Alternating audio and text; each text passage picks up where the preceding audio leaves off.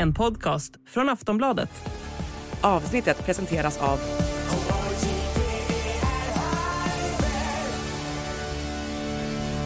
Stödlinjen.se, åldersgräns 18 år.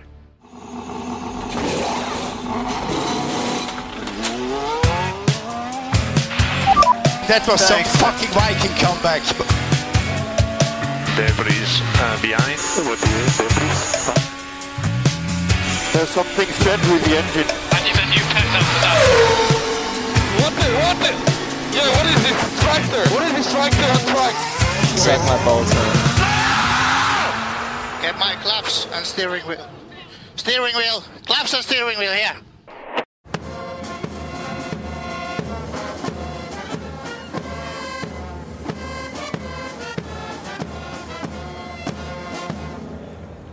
Ja, Anna Andersson, vad är det vi, vad är det vi hör på? Jag undrar ju vad, hur du känner för det här, för jag med en lång musikkarriär innan jag började på Sportbladet, mitt, mina öron och gick, gick totalt sönder när jag hörde nationalsången, Saudis nationalsång, så kallade.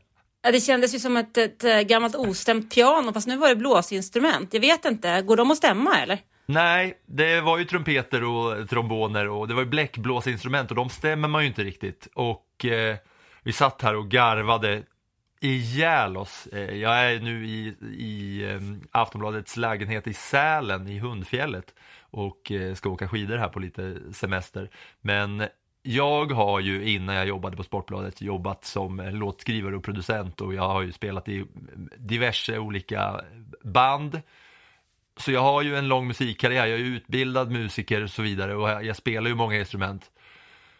Och det gjorde ont i mina öron och sen eh, min tjej som också är här, hon är också musiker och låtskrivare så vi garvade ju ihjäl oss här. Och just att det var de här blåsinstrumenten, när, när Janne Blomqvist säger, när han säger, nu ska vi få njuta av Saudis nation, den saudiska nationalsången.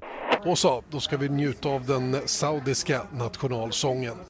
Och så drar det där igång som låter värre än när jag var i liksom Musikens hus i Katrineholm när jag spelade fiol med, med andra liksom fem och sexåringar som precis hade fått en fiol i nävarna. Det var något fruktansvärt alltså. Ja, alltså, jag har ju inte riktigt samma... Eh, jag har visserligen spelat piano en gång i tiden, eh, Ja. men, eh, men eh, det här lät ju värre än när man spelade med ett ostämt piano alltså. Ehm, Ja, det var så jäkla riktigt- kul när det, var, när det var slut där och sen då den där eh, majoren som ska dirigera då, som vänder sig och bara håller upp näven i luften och är nö- nöjd och stolt. George Russell står ju där och garvar, man ser ju det, Russell har ju ett litet öra. Han står ju och garvar när de får höra det där. ja, men det är nästan som man undrar om, kan, han vara nöjd egentligen? Nej, det där var otroligt att höra. Jag ska spela upp det där för Eh, jag, säger att jag har en lång musikkarriär men det är ingenting mot vad min svärfar Roffe Nyqvist har som ska komma upp här. Vi är här med i Sälenlägenheten med mina föräldrar och min tjejs föräldrar. Han har spelat i 35 år i Sveriges Radios symfoniorkester. Spelar valthorn. Så om det är någon som har ett bra öra så är det han. Jag ska se vad han säger när jag spelar upp den här saudiska nationalsången. Ja, det var en jäkla start på, på det där racet att få höra den där nationalsången i alla fall. Ja, det, men det var, å andra sidan så händer det ju, om vi tittar in på den här eh, racehelgen, så händer ju det, det mesta inför racet och efter racet. Men vi kanske ska ta det i rätt ordning. Ska vi börja med kvalet, eller? Ja, vi får börja precis eh, som du vill. Du, eh, du dirigerar det här eh, tvåmannabandet idag. Men då tycker jag vi börjar med kvalet där eh, vi dyker in i Q2. För det tycker jag var det mest intressanta när vi ser Max Verstappens frustration när han får problem med drivaxeln, vilket gör att han inte kan slutföra Q2 och då hamnar på en startposition som heter 15. Och det öppnar ju faktiskt upp i det här kvalet trots att det är så att Charles Leclerc har bytt styrelektronik två gånger redan. Du får byta två gånger på en säsong. Han klarade av att göra två byten under den första tävlingshelgen, vilket gjorde att han då i sin tur fick eh, tio platsers nedflyttning. Så att i ett kval där vi då eh, programenligt egentligen kan man säga får Sergio Perez som tar pole på samma bana han tog pole i fjol. Eh, Charles Leclerc som tvåa men flyttas tillbaks till plats 12 så blir det ju, känns det ändå lite spännande tycker jag efter det där kvalet. Ja, uppställningen som så blev då var ju alltså Verstappen på 15 och Leclerc på 12. Och just att det var de två så långt ner i fältet var ju roligare än om det skulle vara liksom Verstappen Hamilton. För man har ju kanske fram tills då efter Saudis GP nu haft ändå förhoppningar på Ferrari. Trots att man såg hur värdelösa de var den här helgen och eh, vad Fred Vassör säger att de är dåliga rent allmänt, bara att den där bilen är långsam. Men man har ju liksom tänkt att, ja men Verstappen och Leclerc, man har i närminnet hur det såg ut där förra året och att det är just de två som får starta ner i fältet tyckte jag ändå var lite kittlande. Eh, att det var kul på det sättet. Ja men absolut, sen tyckte jag ändå det var lite, lite roligt också att se eh, hur, hur McLaren hanterar ett kval där Norris uppenbarligen är pressad och gör en miss. Det går på hans eh, egna axlar, alltså den missen han gör den är hans egen. Vilket gör att han startar sist och Piastri tar sig in till Q3. Och den var ju, ja det var ju med den bilen då bra. Men det var ju extremt klantigt av Norris och det sa han ju själv också att det var en silly mistake. Men det han gör är ju alltså att han åker in, det är en vänstersväng, eh, jag vet inte vilken kurva det är, men där kör han in med då vänster framhjul i väggen. Medan de andra som tar den där kurvan brukar vara så att de kommer långt ut och sen då när kurvan är klar går in i högerkanten. Där man har sett många varit millimeter nära. Men Norris, han går liksom in före kurvan. Mm, den, enk den enklaste kurvan av alla sa han väl efteråt. Ja, det var ju otroligt. Nej, det ser ju inte bra ut för eh, McLaren eh, i alla fall på något sätt. Ja, sen tycker jag ändå om man ska titta lite till, till kvalet då så gör Nico Hülkenberg ett nytt bra kval och kvalar in i topp 10. Annars var det väl ändå rätt förväntat får man säga. Men det, som, det blir lite kul ändå när vi får en, en start på söndagen med eh, Perez, Alonso och Russell i början. Då känns det ändå lite kul. Och så har vi Hamilton som gör ett, ett helt annat däckval än de andra när han väljer de hårda däcken längre ner i fältet. Och Leclerc startar från ruta 12 med mjuka däck. Och där kändes det ändå som att det fanns en hel del eh, förutsättningar för att det skulle kunna bli ett riktigt bra race. Men eh, ja, med facit i hand så eh, var det lite trista, eller vad ska jag säga, jag kan säga så här att jag hade nog högre förutsättningar eller förhoppningar än vad racet levererade. Ja, nej men eh, alla träningar och, och kvalet, det kändes ju inte som att det var mycket att lyfta på ögonbrynen för, förutom då Norris som körde i väggen och sen Verstappen vars bil eh, gav upp där. Och det var alltså drivaxeln som paja. Mm. Och den, den lagar man inte på en femöring, med en femöring på en kovändning. Nej, de behövde ju ha tiden efter kvalet och han fick ju kliva ur bilen där så han var ju borta. Eh, Men jag tycker det gav ju ändå bra förutsättningar för eh, racet. För han behövde ju fixa den där drivaxeln. Mm. Och det gjorde de ju. Ja, det fick de ju ordning på och även fast han under racet då klagade lite på den. Men ja, sen, eh, sen kommer vi in i, i det här racet då som öppnas upp med oändliga drönarprojekteringar i luften. Det såg du va? Det gjorde jag absolut, men jag var ändå rätt, eh, fick vara rätt fokuserad där för vi har ju ny, den här F1 liven som vi nu har kört i ett år, då vi hade fått nya kommentarer, vilket gör att alltså läsarna kan integrera och skriva kommentarer som jag sedan antingen publicerar eller svarar på om det nu är en fråga. Eh, så jag hade fullt sjå att få ordning på hur detta fungerar och med vilket tempo jag själv behövde använda för att hålla koll på du vet 14 olika skärmar och all olika input som kommer från olika kanaler. Så att jag la inte så här jättemycket fokus vid drönarbilderna. Jag ty tyckte på något sätt nu i efterhand när jag sitter och tittar så känns det som ett race, ja men drar man liksom resultatlistan så känns det som, jaha, nähä, det var väl som det var det, ett race att glömma. Men när man tittar på det närmare så händer det en, då en hel del saker. Ja, jag vill bara nämna de där drönarna. Vi har ju sett det förut. De har ju, det har ju gjorts förut där, men att det är då alltså tusentals drönare i luften som då, som då gör projektering av, ja det var en F1-bil, det var två F1-förare, det var pokalen, som då, då är de uppe i luften och liksom kan då lysa upp på olika sätt som gör att det, det ser ut då som en flygande örn som det var någon gång och Ferrari-hästen var det va? Och så var det några mer grejer, det var ju eh, otroligt. Men det, det blir ju så på de här eh, på de här mer, eh, vad ska man säga, spektakulära startplatserna, Saudi och Miami kommer man se också så här tokigheter. Eh, sen var det Will Smith på eh, startgriden där hos Lewis Hamilton innan då racet drog igång, om vi ska börja med att prata hur racet startade då, eller hur, hur vill du börja racet? Vi har pratat om att, eh, du har sagt att resultatlistan var väntad. Vill du börja på resultatlistan eller vill du börja med starten? Jag tycker faktiskt att vi kan börja med resultatlistan och sen betar vi ner det. Ja, kör då.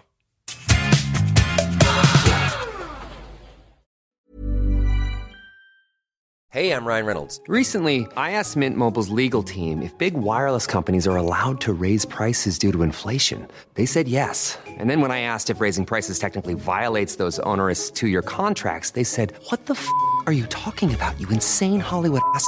So to recap, we're cutting the price of Mint Unlimited from $30 a month to just $15 a month. Give it a try at mintmobile.com slash switch. $45 upfront for three months plus taxes and fees. Promo rate for new customers for limited time. Unlimited more than 40 gigabytes per month. Slows. Full terms at mintmobile.com.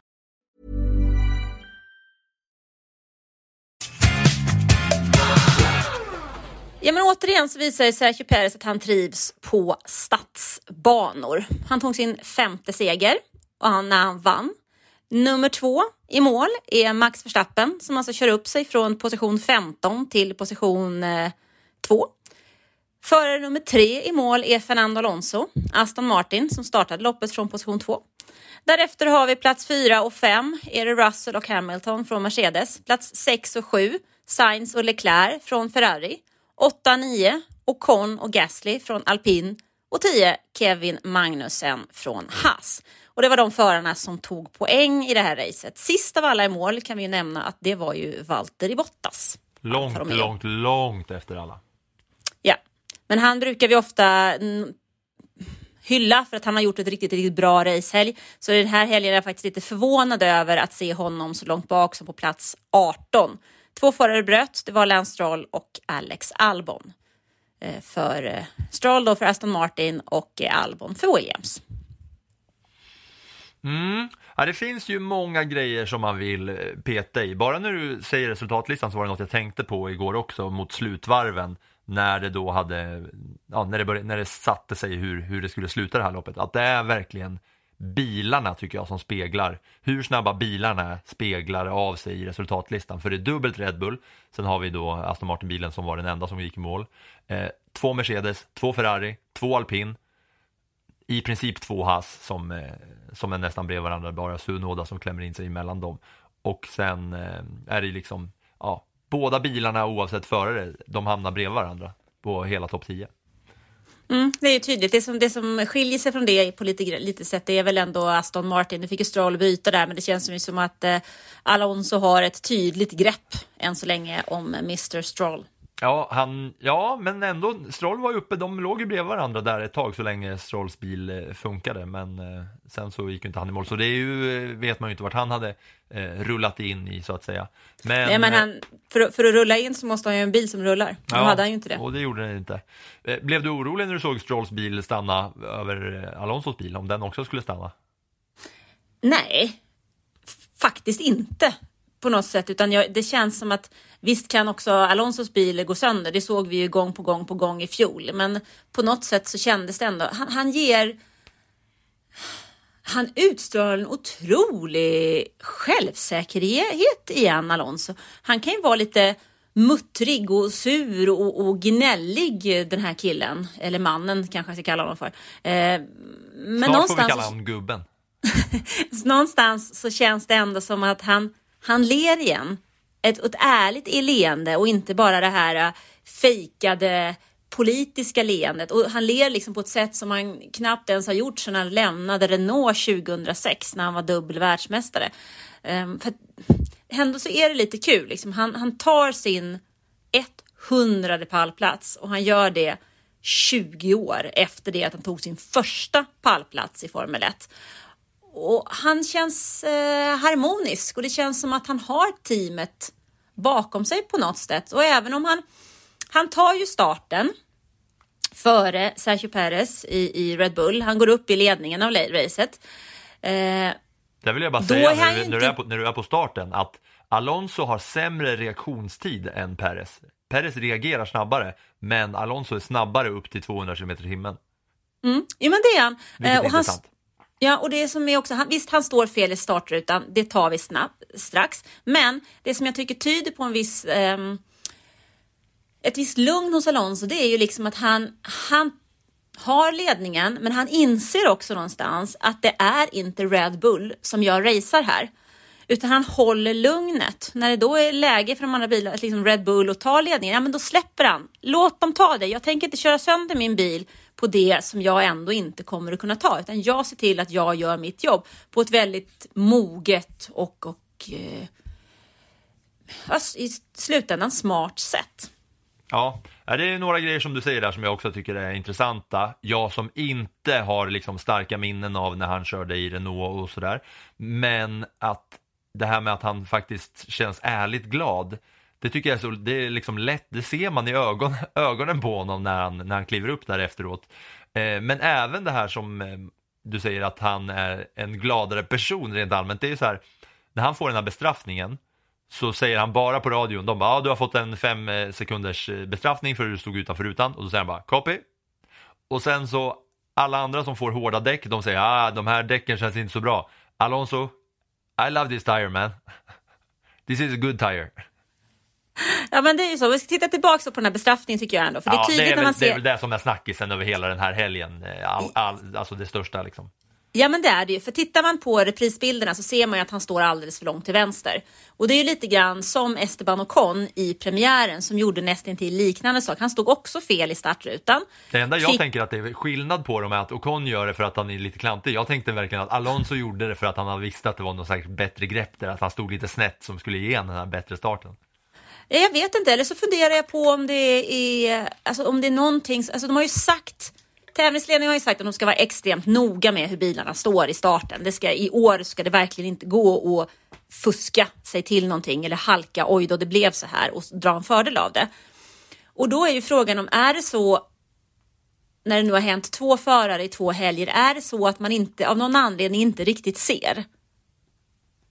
Är det det som är att de sitter så lågt och Halon är så pass låg att det gör att det därför blir eh, en komplikation i det sättet de parkerar. Nu är det klart, det är 19 andra som ställer sig rätt. Ja, men fast, fast jag såg, jag har sett lite bilder på där folk har dragit lite linjer och sådär som, som har kommit upp på diverse sociala medier och sådär. Och där ser det ut som att det är mycket ojämnare hur folk står, att det är flera som är på gränsen till att stå utanför. Alonso Mm. var ju verkligen klart och tydligt utanför den här rutan då.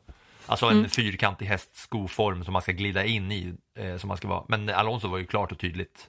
Ja, men det är ju som parkeringsplatsen. Det spelar ingen roll vilken parkeringsplats du står på någonstans inför vilken stormarknad som helst. Så är det ju 72 stycken som har ställt sig lite snett. Eller en badplats på sommaren så blir man ju helt tokig för att det är någon som liksom har ställt sig med en och en halv eh, meter fel så att det får in en bil för lite istället för Mm. Och att så, sitter det, och så sitter det inte en liten gul lapp i framrutan på de där, då blir man ju vansinnig för själv får man ju sån- absolut en B-bot om man står en centimeter utanför direkt. Ett och tre, smack bara, rätt ut ur kontot. Ja, men precis. Nej, men I det här läget, så därför funderar jag, är det någonting sånt som man behöver titta på? Är det så att de helt enkelt inte ser riktigt? I alla fall, eh, eller fylla fulla fall som min farmor hade sagt, så är det ju så då Fylla att Alonso får, fylla fulla fall, Alonso får den här bestraffningen på fem sekunder och så tar han den i samband med depåstoppet på varv 18, tror alla. När man ser det så ser man ju verkligen hur Aston Martins, de, de väntar ju. Jag roade mig faktiskt med att räkna, du vet så här, en elefant, två elefanter, tre elefanter, så att jag skulle kolla för att ha lite pejl. Och jag noterar att jag hinner faktiskt säga fem elefanter innan de ens börjar röra bilen. Så att, ja, men det där är ju lugnt liksom. Så jag fortsätter där med min live-rapportering. Och anledningen till att du räknade de här fem elefanterna var för att Ocon åkte på samma sak, exakt samma sak. Att för, I. Bahrain så stod Ocon utanför rutan, sen skulle han ta sitt, eh, sin bestraffning i depån och då får han då 10 sekunder extra bestraffning för att mekanikerna nuddar bilen då. De börjar efter 4,6 sekunder. Ja. Ja Så det var, fyra, det var fyra och en halv elefanter. Men, men i alla fall så, så tänker jag att ah, det är lugnt. Men sen så när han när- närmar sig mål, Alonso, han är trea och han närmar sig mål så får vi, får vi höra då en radiokommunikation mellan George Russell som är fyra och hans team där han eh, själv säger att jag kör som en idiot här. I, Eh, I dri- I'm driving like a madman at the moment. I'm pushing like a madman at the moment. Och då svarar eh, hans eh, på radion då, keep driving like a madman. Mm. Nej, men för att han måste under de här fem sekunderna för de tror att det finns en risk att Alonso får fem sekunder till.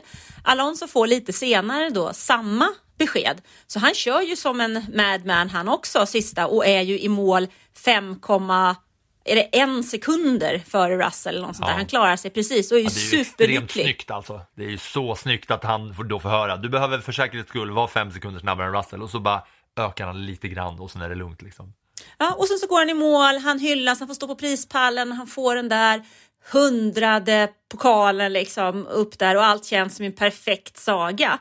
Och jag hinner verkligen, jag hinner verkligen lämna text och kolla allting är framme, jag var bra, ska jag hinna gå och slänga i mig en bit mat innan det är dags för att fortsätta jobbet. Då kommer det besked om att nej, han blir av med den här tredjeplatsen. Jaha, varför då? Då blir det ju ett himla kaos. Och Eh, Russell får tredjeplatsen. Alonso blir ju tokförbannad naturligtvis. Eller han bryr sig egentligen inte så himla mycket om att han tappat tre poäng eftersom han hade fått stå på prispallen. För det var väl det som gav honom glädjen egentligen. Däremot så tycker han ju att det är, tar för lång tid. Och precis just den saken reagerar jag också på. Jag tycker det är för dåligt. Alltså det är uselt för alla som sitter och tittar. Du hinner slå av tvn, du ser vem som blir trea. Du hinner slå av tvn, gå därifrån, käka, göra nu vad du, vad du vill och sen bara nej, det blev inte så. Och jag menar, de har, ja. alltså, de går, han går in i depå på varv 18, har, han 35, har de varit typ 35, 35 varv på sig och de kör ett varv på en minut och 32-33 sekunder. Så lång tid har de på sig att gå igenom vad som har hänt. Men hur kan det ta så lång tid? Det beskedet måste ju i sånt fall komma. Har de ens misstankar så måste det komma upp att han är under investigation redan efter ytterligare 3-4 varv, max. Så de har tid att ta ett beslut, meddela det beslutet så att Alonso i sånt fall har möjligheten att köra ifrån med 11 sekunder istället om det nu är 10 sekunder straff som han får. Eller, nu ger de honom ingen chans. Alltså det är så, det är så många klantigheter här. Alltså det, det är ett sånt haveri som påverkar så många på så många olika sätt. Alltså ett är ju att eh, Alonso får reda på det som du säger. 35 varv efter det där depåstoppet. Hur kan det ta så lång tid då? Om man ändå har folk som sitter och tittar på det där. Hur, kan Ja. man inte, hur många var det som fick bestraffning? Ja, det är den där bilen som de ska ha koll på. Är, du har en bil att räkna de där fem sekunderna på. Det är en bil som ska ta det och så bara tar det 35 varv. Det är alltså 60 procent av loppet. Ja, men, och det tar ju inte ens bara 35 varv. Han hinner ju 17 komma ner till intervjun, han hinner gå upp på prispallen, han hinner spruta champagne, han hinner liksom allt. Han hinner gå ner igen, han spring, hinner springa på toa, han hinner göra rubbet. Ja. Vad är det liksom? När Ja. ska vi, varför, varför ska vi ha förare som står på en prispall som efteråt blir bestraffade? Det är ju en katastrof för sporten. Jag som tittare, nu är jag för sig jobbar jag med detta, men jag som tittare, jag vill ju när jag har sett prispallen så vill ju jag vara nöjd. Så här är det, det här är resultatet. Det måste ju också vara F1 syfte med det hela. Att när prispallen är klar så är det också klart. Allt detta fram och tillbaks, diskussioner efteråt. Ta bort, det går fet bort i min Det, bok. det är alltså, efter 30, det tar 35 varv för dem att komma på att äh, men vi ska nog ge dem en bestraffning. och då, efter att ha gjort det förra veckan också, eller ja, förra racet, men även att då när de får reda på det sen, eh, Aston Martin, att de tänker, ja men det kanske är fem, det kanske är fem sekunder. Att de inte då vet om att, ja men förra veckan hände ju exakt samma sak. Ocon fick ju 10 sekunder, då är det klart vi borde få 10 sekunder också om de hade vetat det. det eh, de meddelar Alonso att eh, det, du måste ha 5 sekunder till Russell, han, han ser till att hålla det. Sen är det ju också vinkeln att eh, vad, om nu det här skulle stå sig, vad synd det är då om Mercedes och Russell då som får gå miste om ett podium och stå där och fira. Att det är liksom, det är ju fult även mot dem som då gick in som mål och trodde att de var fyra. Eller hur? Och det, det, sa även, eh, det sa även Alonso efteråt. Han sa, alltså under tiden som han då fick reda på att ja men vi kommer, vi blir, det blir 10 sekunders bestraffning så vi blir fyra istället.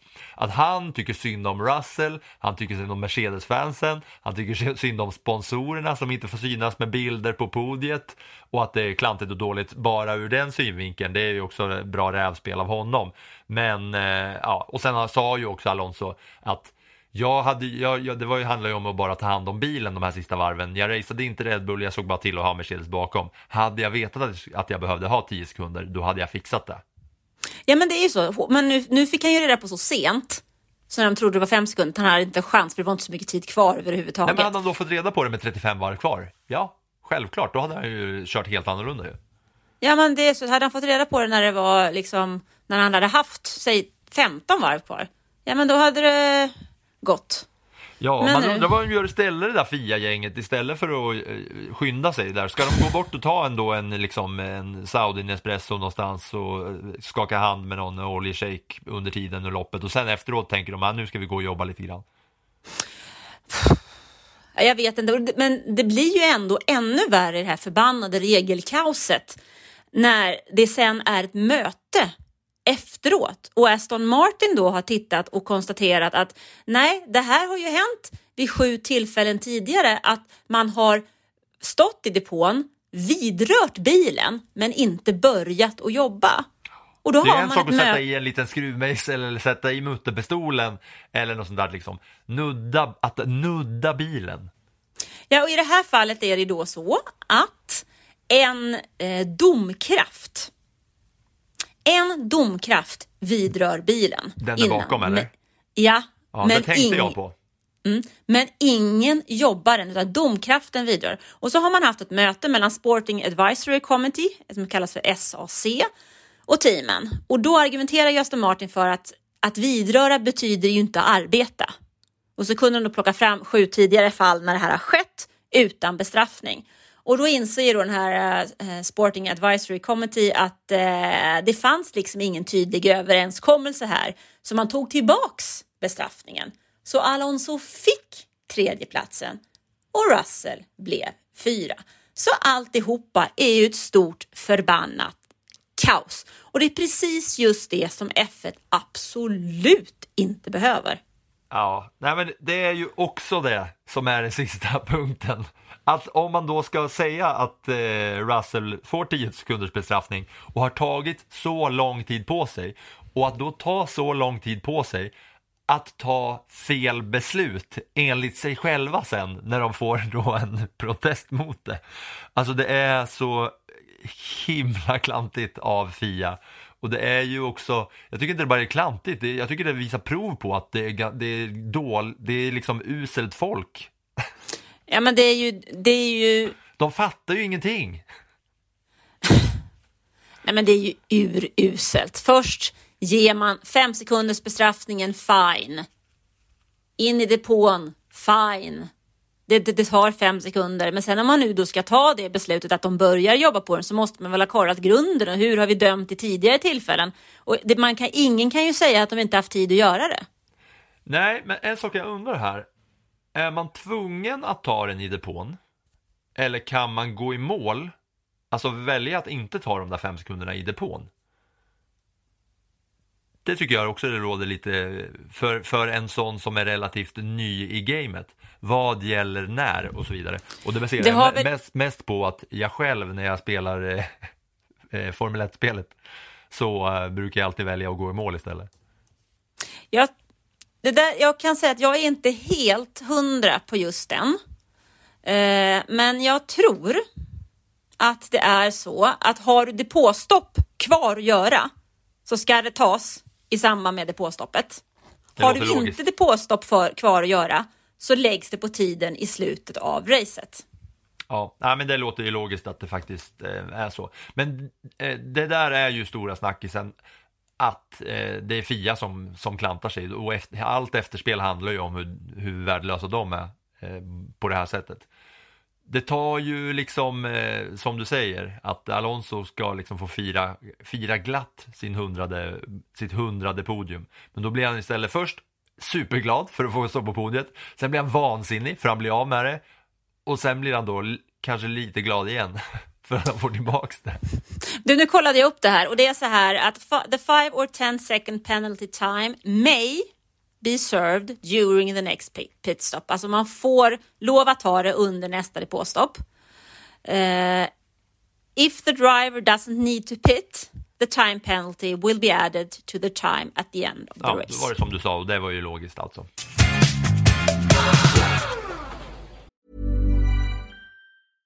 Hey, I'm Ryan Reynolds. At Mint Mobile, we like to do the opposite of what Big Wireless does. They charge you a lot, we charge you a little. So naturally, when they announced they'd be raising their prices due to inflation, we decided to deflate our prices due to not hating you. That's right. We're cutting the price of Mint Unlimited from $30 a month to just $15 a month. Give it a try at mintmobile.com slash switch. $45 upfront for three months plus taxes and fees. Promo for new customers for limited time. Unlimited more than 40 gigabytes per month. Slows. Full terms at mintmobile.com.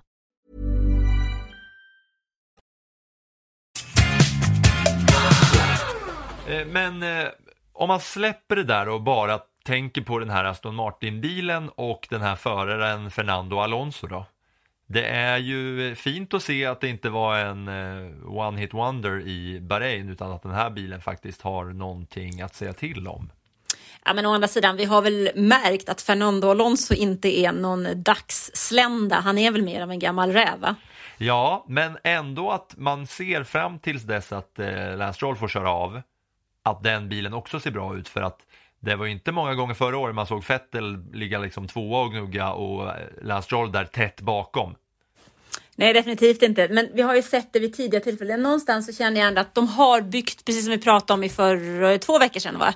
Är det väl vi pratade så mycket om Aston Martin. Så de har ju byggt ett team kring Dan Fellows tidigare hos Red Bull och de har ju plockat in väldigt mycket oerhört kompetenta ingenjörer i det där teamet. De tog ju ett beslut tidigt i fjol att kasta allt de hade och börja jobba nytt och det har ju varit rätt beslut. De har tillgång till samma vindtunnel som Mercedes. De jobbar väl fredag, lördag, söndag i den.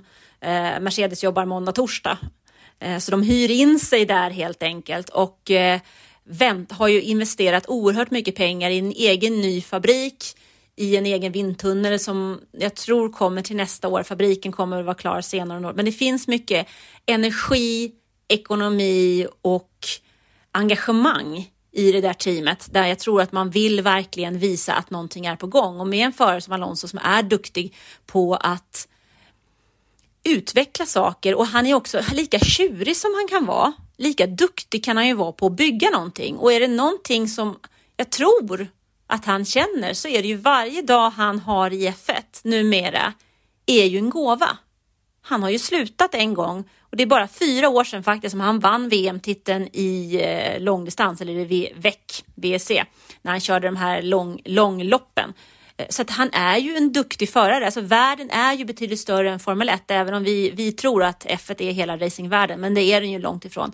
Så att han känner nog, han fick chansen att komma tillbaks och känner nog en oerhörd glädje i allt det. Och vi ska inte komma ihåg att, eller vi ska inte glömma bort att några av de problem eller många av de problemen som han hade i fjol, han gjorde en väldigt bra säsong hos alpin i fjol, det var ju för att bilen inte höll. Och vi ser ju nu på den bilen eh, att, ja visst, de plockade poäng här, men den där, det är ju inget rosa under som kör omkring direkt. Nej, och han vet verkligen vad han gör just med det där att eh, han får reda på, nej men du behöver utöka lite grann mot eh, Russell och då gör han det utan problem som han fixar till det. Men just att bilen när man pratar om det här att Perez sa efter Bahrain, kul med tre Red Bull-bilar på podiet. Det är att det är mycket folk från Red Bull som, eh, som finns där bakom. Och även så har det nu börjat snurra eh, bilder på, jag vet inte om du såg det, men Adrian Newey står ju och tittar och granskar den här bilen efteråt när alla börjar köra in. När de ställer upp gör. efteråt. Då står alla så här, Aston Martin-folket står där och är glada och så flyttar kameran lite grann och då ser man då Adrian Newey står där och liksom kliar sig i skägget och spanar och vrider lite och gnuggar lite på huvudet där och, och kollar vinklarna på, på den där bilen så att eh, det, det är mm. nog inte Ja, det Men om det, du går tillbaks ett år, om du går tillbaks ett år, vem var det som stod så då? Och tittade på en Red Bull-bil som vi kallade för Inspector Seb. Ja, exakt. Som satte sig på huk och kollade lite under och lite, just det, då körde vi Inspector Gadget-musiken. Ja, jävla klassiskt. Det gjorde vi och det var Fettel och vilket team körde han för? Ja, det var det där teamet som var med samma green. Eh, Ja, intressant alltså att det är sådär. Mm. Und- Undrar om Seb, Seb Vettel har haft något där att säga, säga till om till, eh, som, som liksom eh, Stroll och Alonso nu får skörda frukt av. Inte omöjligt, inte omöjligt. Du, eh, lite Red Bull får vi prata om ändå i varje Ja, fall det va? kanske räcker med Aston Martin där. Vi, det, ja, det, blir ju, det blir ju så att ja, det, Red Bull är så överlägsna, men det finns ju jäkligt mycket att snacka om i Red Bull också efter det här racet. Men Red Bull är så pass överlägsna så att man går direkt till liksom, bilen som är därefter, att det är det mest intressanta. Ja, men vi är ju kvällstidning, man får ju ta det som är den bästa snackisen. men vi är ju också människor va? Kom ihåg det. Du, Red Bull. Mm. Perez, han vinner igen ett stadslopp. Men eh, egentligen så tycker inte jag det är inte det som jag vill prata om, utan jag såg en intervju i den österrikiska tvn med eh, ORF. Och vi som såg racet, vi såg ju alltså hur Max Verstappen och Sergio Perez låg och pressade varandra för att ta det snabbaste varvet. Perez fick ju till och med besked från teamet att han skulle köra 33,0. Eh, men han körde 32,6 och så frågade han vad kör Max på? Ja, han kör på 32,6 eller vad det nu var, någonting där var. Men varför får han det beskedet? Jag, då vill jag ha samma besked. Så det vart ju liksom ett, ett, ett tjafs däremellan dem och det var väldigt tydligt hur de pressar varandra. Och när jag då lyssnar på den här intervjun på ORF med ett halvt öra så säger Helmut Marko, Marco som då är talangchef, motorsportkonsult till Red Bull. Han är en av nyckelpersonerna i det där teamet. Han säger att det fanns en sak vi inte kunde kontrollera och det var Max. Båda förarna frågade hela tiden vem som körde snabbaste varvet och Max väntade till sista sekunden så att Checo inte kunde svara. Och enligt Marco så fanns det en plan och båda förarna höll sig relativt bra till den här planen. Men det jag undrar är ju då, vad betyder relativt?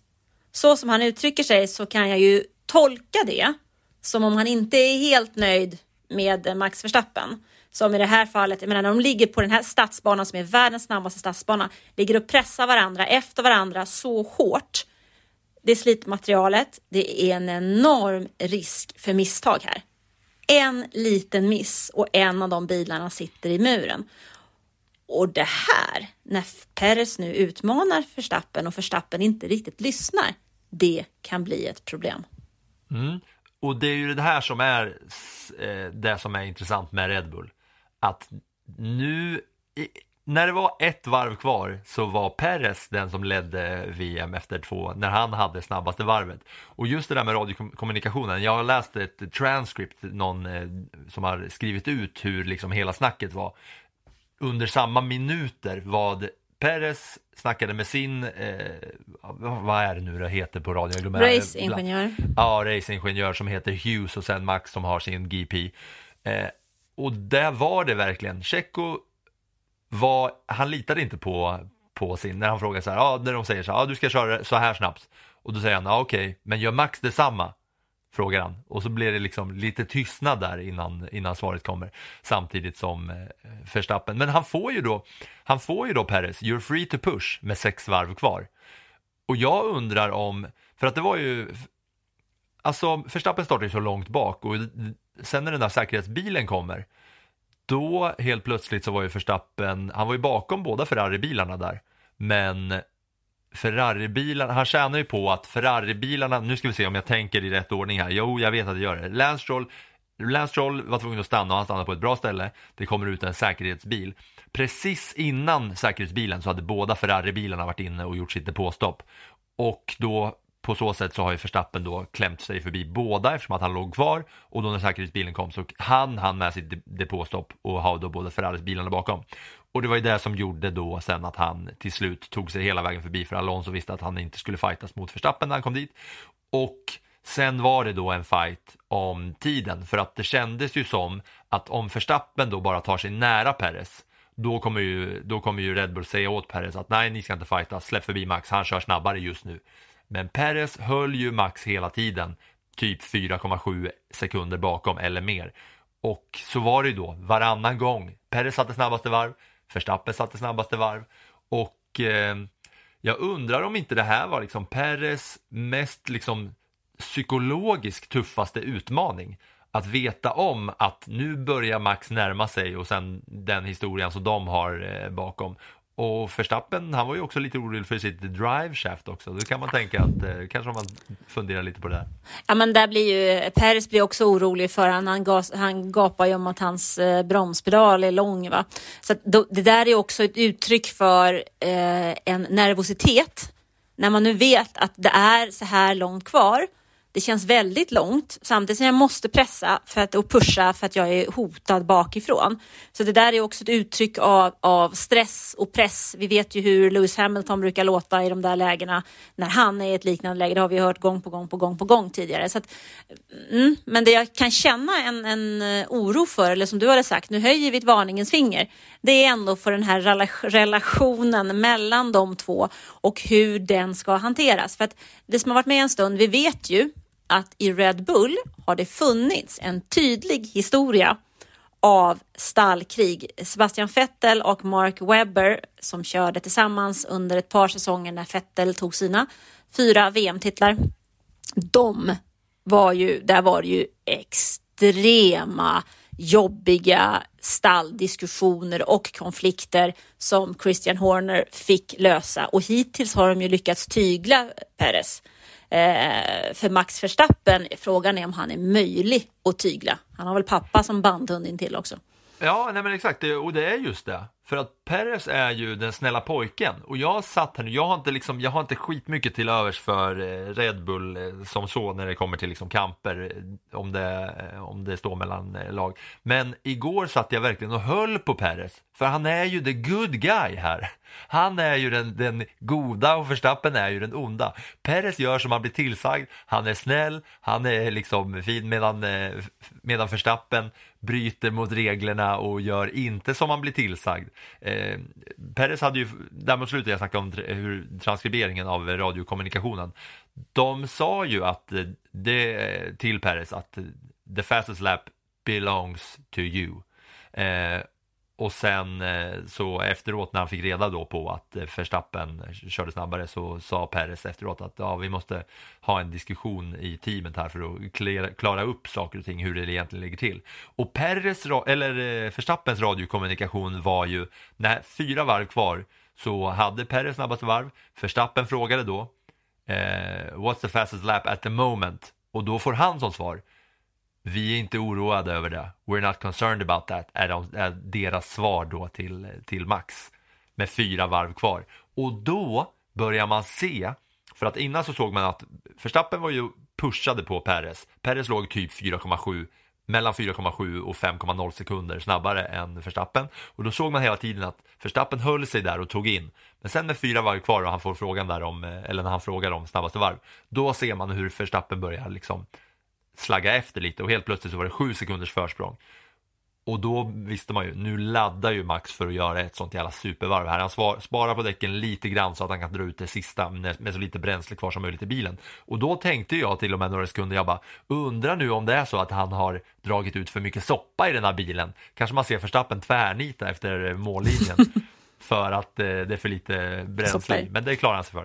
men det är ju så, att också, det är ju så här också att Sergio Perez enda chans och möjlighet det är ju att ligga så nära Verstappen så länge som möjligt. Det är den enda chansen han har för att han ska kunna vinna en VM-titel som förare.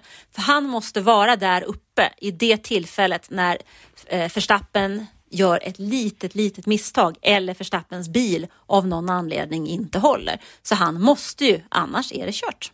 Ja, det är några, några till sådana här roliga grejer just med den här eh, kampen. Att för, några, för, för, en ganska lång stund innan, eh, innan de går i mål så är ju Perez då totalledare. Ja, jag vet, det är bara två race, men de båda har då etta och tvåa i varsitt race. Och eh, i Bahrain så var det väl eh, ing, ingen av dem som hade snabbaste varv. Det var väl, vem var det som hade snabbaste varvet där? Ja, det kommer jag inte ihåg. Var det ja, jag släpper den i alla fall.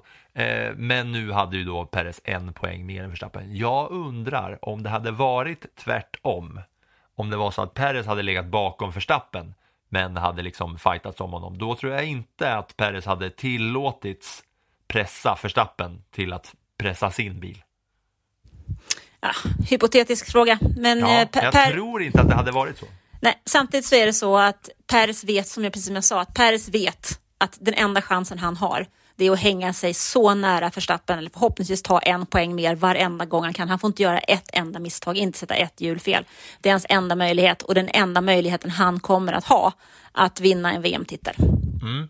En sista grej på det här var att efteråt så tweetade Perez Guedos är campion, vilket jag då Google Translate övers översätter till jag vill bli mästare med, bild, med fina bilder på sig själv då när han stod och firade under de här fyrverkerierna. En tweet som han sen tog bort inte långt senare. Nej, man får inte göra vad man vill när man kör för Red Bull. Max Verstappen kom och sulade en hjälm i huvudet på Perez efter att ha gjort det där. Du ska Nej. inte alls vilja bli mästare. Max Verstappen gick snarare till Christian Horner och gnällde lite. Ja, riktig grin, grinpelle. Ja, det var väl de grejerna. En annan grej om just den här säkerhetsbilen som eh, vi nämnde, att Stroll stannade på banan, det är att en spokesperson för FIA bekräftade att anledningen till att säkerhetsbilen kom ut där, för att Stroll ställer sig ju perfekt när de säger, de skriker ju verkligen till honom, stop the car, stop the car, stop the car on track, skriker de ju till eh, Lance Stroll. Han glider ju undan perfekt i en liten ficka där, så han är ju inte fara för någon. Han glider ju undan perfekt direkt. Men då är det en, en eh, talesperson för FIA som har bekräftat att det var för att de inte hade tillräckligt med kameror på banan så att de inte kunde veta exakt vart Stroll stod och därför körde ut sä- säkerhetsbilen. Ja, det är ju troligt att man i Saudiarabien inte har tillräckligt mycket pengar för att köpa tillräckligt många kameror. Ja, exakt. Men den hade ju inte behövts den där säkerhetsbilen ju. Det hade den absolut inte. Jag trodde faktiskt att det skulle bli virtuell säkerhetsbil där. Du, jag har faktiskt två saker till eh, från det här racet som jag skulle vilja ta upp. Dels eh, gäller det Mercedes. Där Hamilton var irriterad över att Russell hade en bättre setup än vad han hade. Han menade själv att han hade ställt in sin egen bil för kvalet, och, men den funkade inte alls. Och inte i race trim heller. Eh, han tyckte att han hade för mycket understyrning redan från varv ett. Sen blev det bättre. Så han var inte helt nöjd över att få stryk av Russell en gång till. Å andra sidan, så med tanke på hur det såg ut i fjol, tänker jag då på eh, när jag säger det. Å andra sidan så påpekade Toto Wolff att de faktiskt hade hittat en bättre balans i bilen under den här helgen och att den inte, den inte slet lika mycket på däcken, vilket eh, motiverar stallen framöver. Men Eh, får jag säga då, just det där med däcken var ju att efter säkerhetsbilen var Hamilton den enda i toppen med mediumdäck. Alla andra var på hårda. Och då, så, då klämde han ju förbi många ganska lätt. Men det var ju, eh, han hade ändå tufft mot Russell.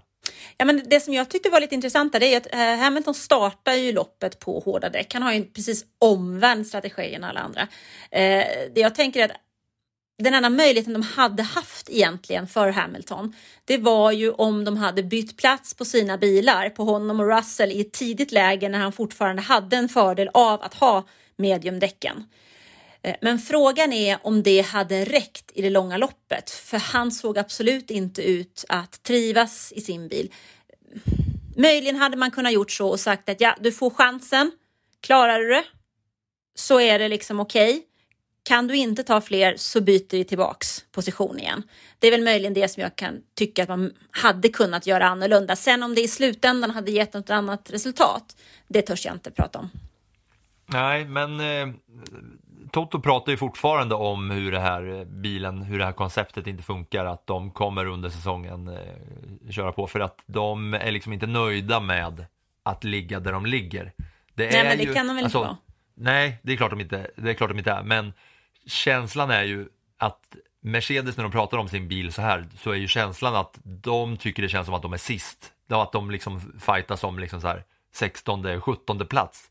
De är ju ändå fyra, femma i totalen men de är extremt missnöjda med, eh, med att ligga där de ligger. Ja, men det är väl klart att de gör är det med tanke på att det är det team som dominerade Formel 1 från 2014 fram till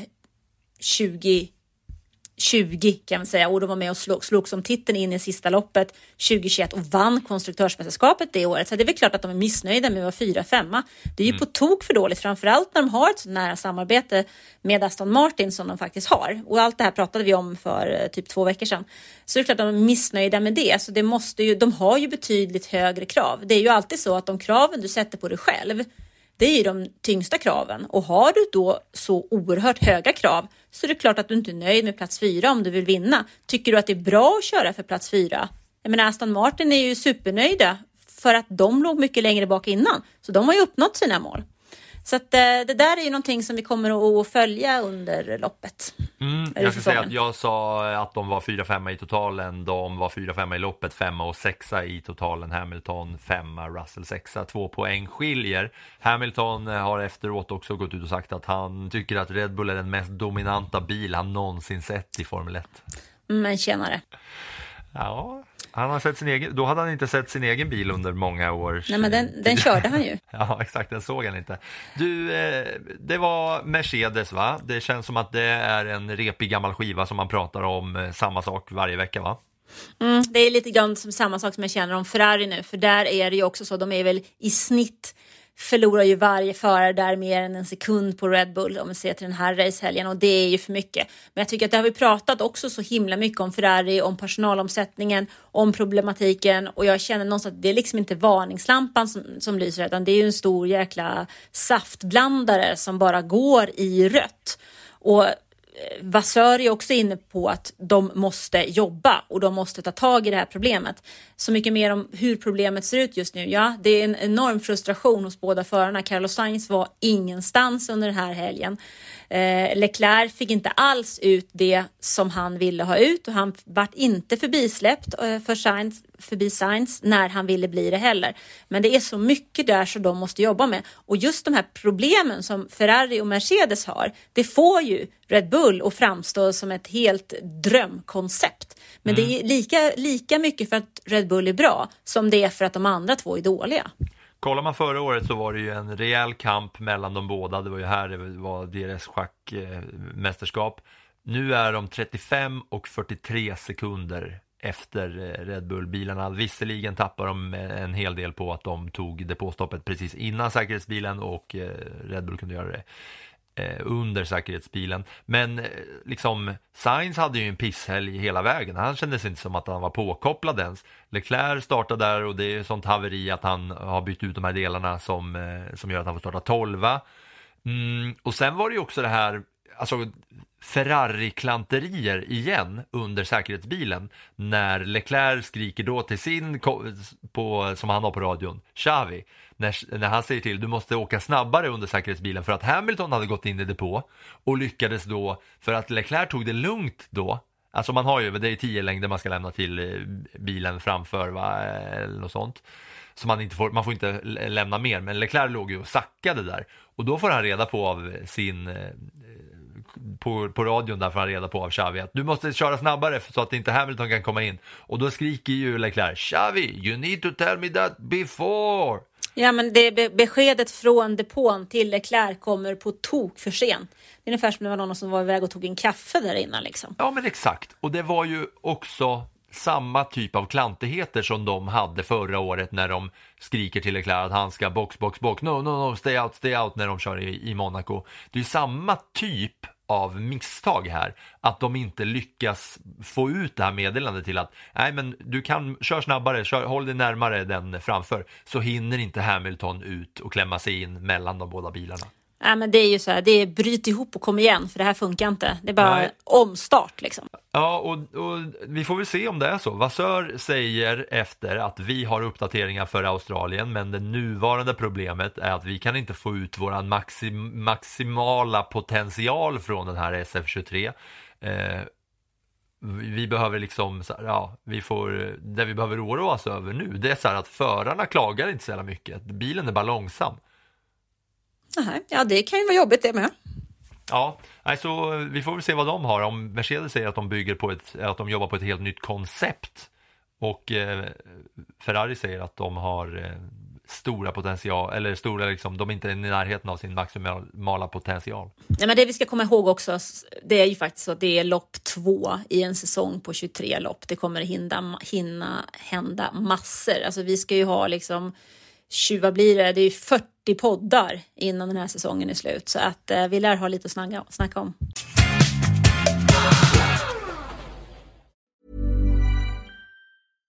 Isaac Quaynor, Tom Stewart. Now that KO has 4K, people will see every detail. I better wash my hair. Oh, I'll book in a spray tan. Maybe a manicure? I'm shining up my tats. Experience amazing detail with 4K. Now on KO.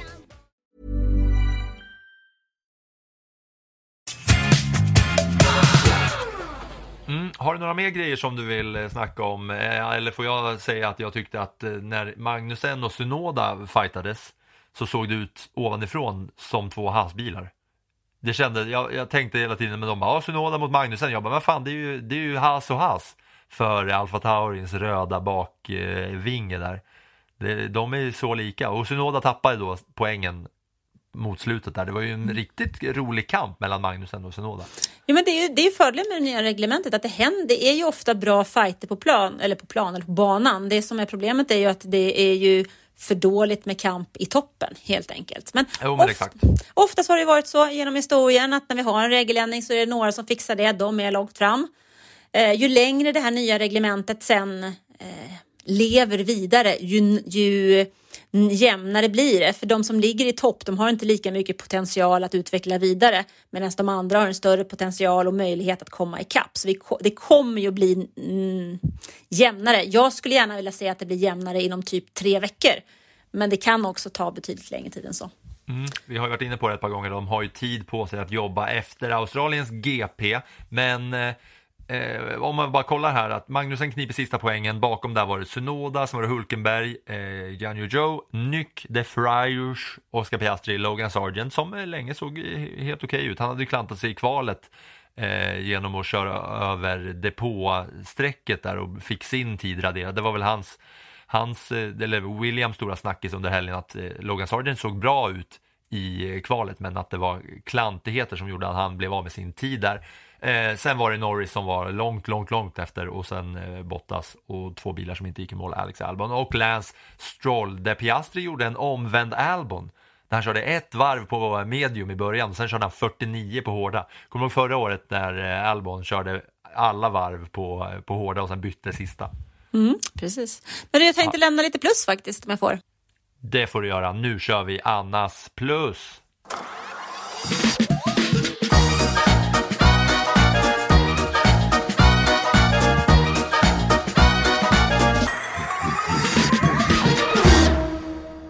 Motorstoppet.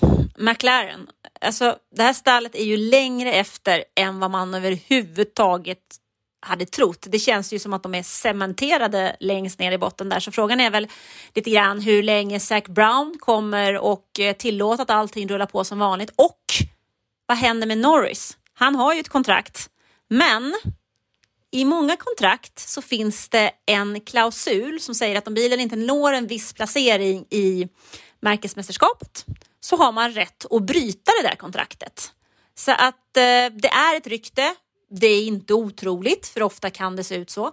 Men det gör ju att man känner en viss eh, tveksamhet, kan vi väl säga, inför den tid som kommer. Spännande. När det gäller plussen då, ett plus, det får ju Kevin Magnussen som tar första Haas-poängen och så lite extra till Danmark eftersom eh, Fredrik Westi Mercedes junioren tog en seger i Formel 2. Så nu visar de ju att Danmark är på gång. Ska de ha två F1-förare då innan vi har en? Oj då, ja det är spännande. Jag tycker det är kul att se att Haas eh, satsning på rutin faktiskt går rätt bra. Det är, det, det är spännande med Haas. Mm. Sen går tvåan till Russell som slår Hamilton. Tre poäng, eller tre poäng, tre plus heter det. Kom ihåg att du jobbar på Aftonbladet, Anna. Plus.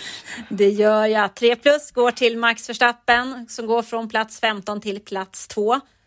Visserligen är bilen överlägsen och han får hjälp av en säkerhetsbil, men ändå.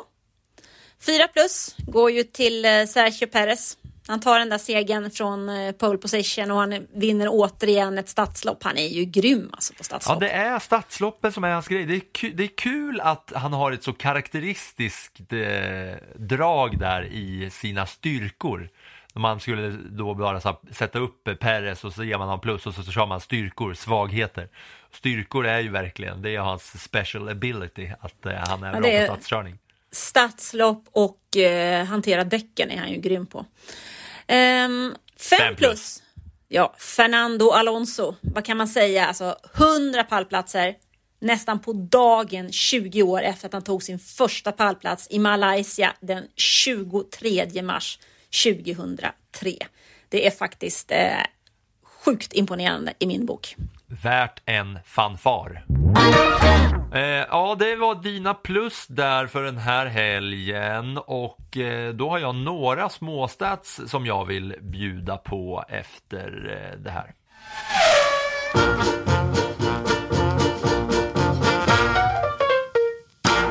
Då vill jag börja med att bara stanna kvar där på just eh, Perez. Eh, för han har nu lika många GP-segrar som Leclerc, fem stycken.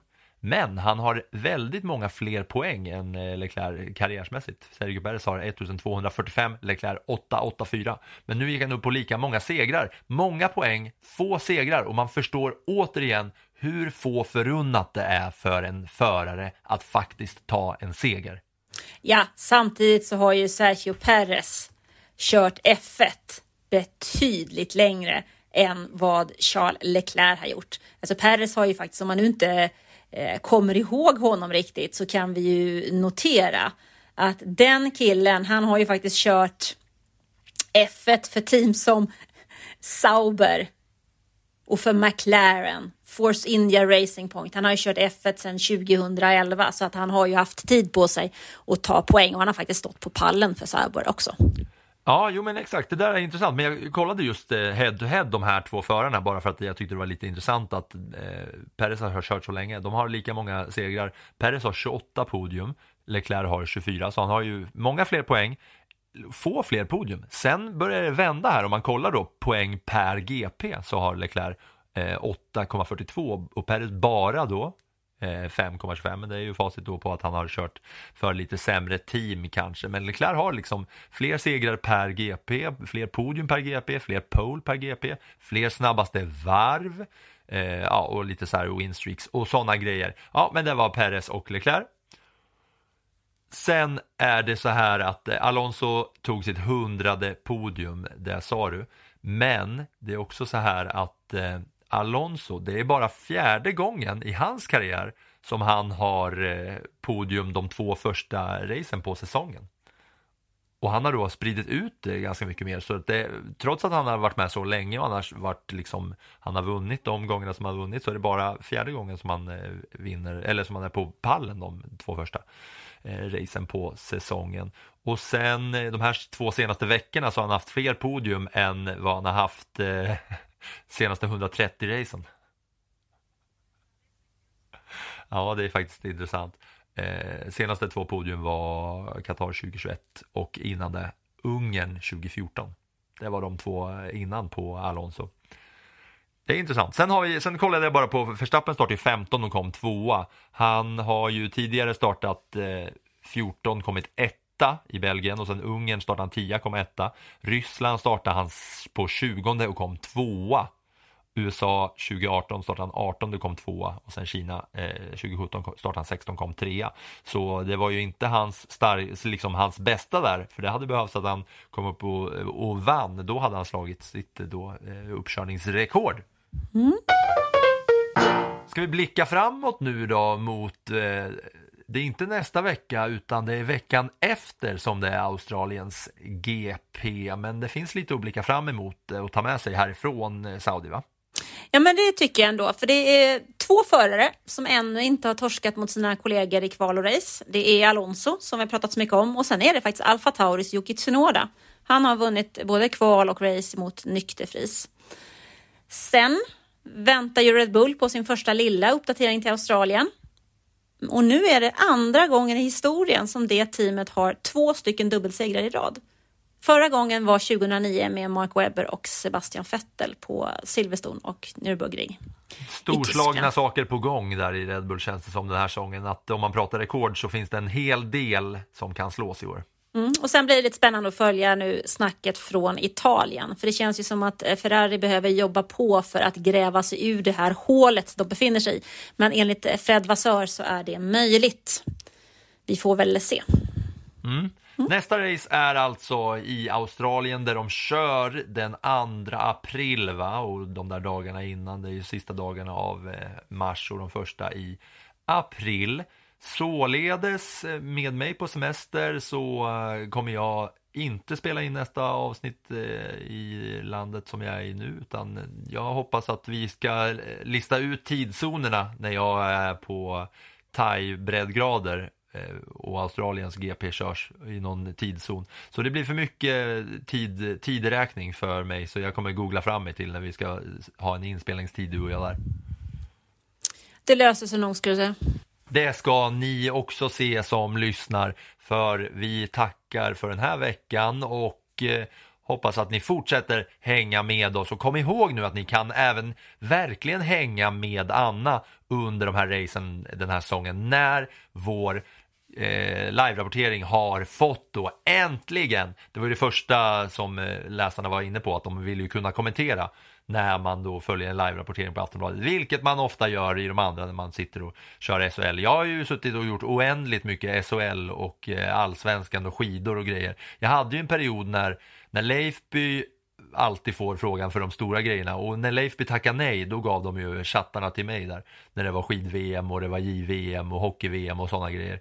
Så jag, då var jag liksom, då var jag B-laget men nu har jag fått lite andra arbets, arbetsuppgifter så jag chattar inte lika mycket med läsarna. Men jag tycker det är jävligt roligt.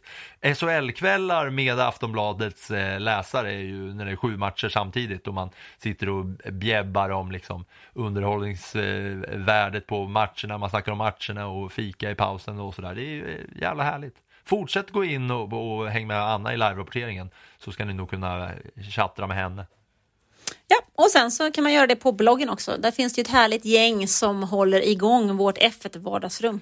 Du, det finns några stycken där, jordgubben A Man on Earth, som eh, kanske ändå förtjänar en shout-out efter att eh, den, eh, det aliaset har man sett där i många år va?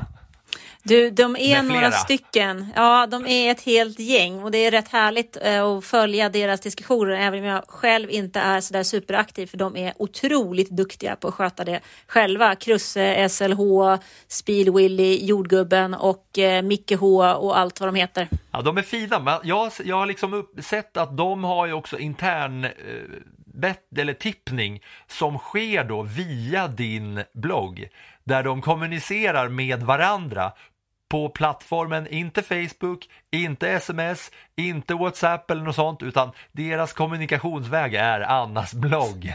Det är yes. kul att följa bara och vara utanför och se så här, ja, kom ihåg att fylla i dokumenten för tippningen och sådär. Ja, de är fina. Eh, du, du får gå in och tippa där. Ja, gör som det här fina gänget som följer Anna på bloggen. Följ Anna på bloggen och följ Anna i live-kommenteringen. Nu ska jag dra på mig skidorna igen och slänga mig rätt ut i backen. Hej då!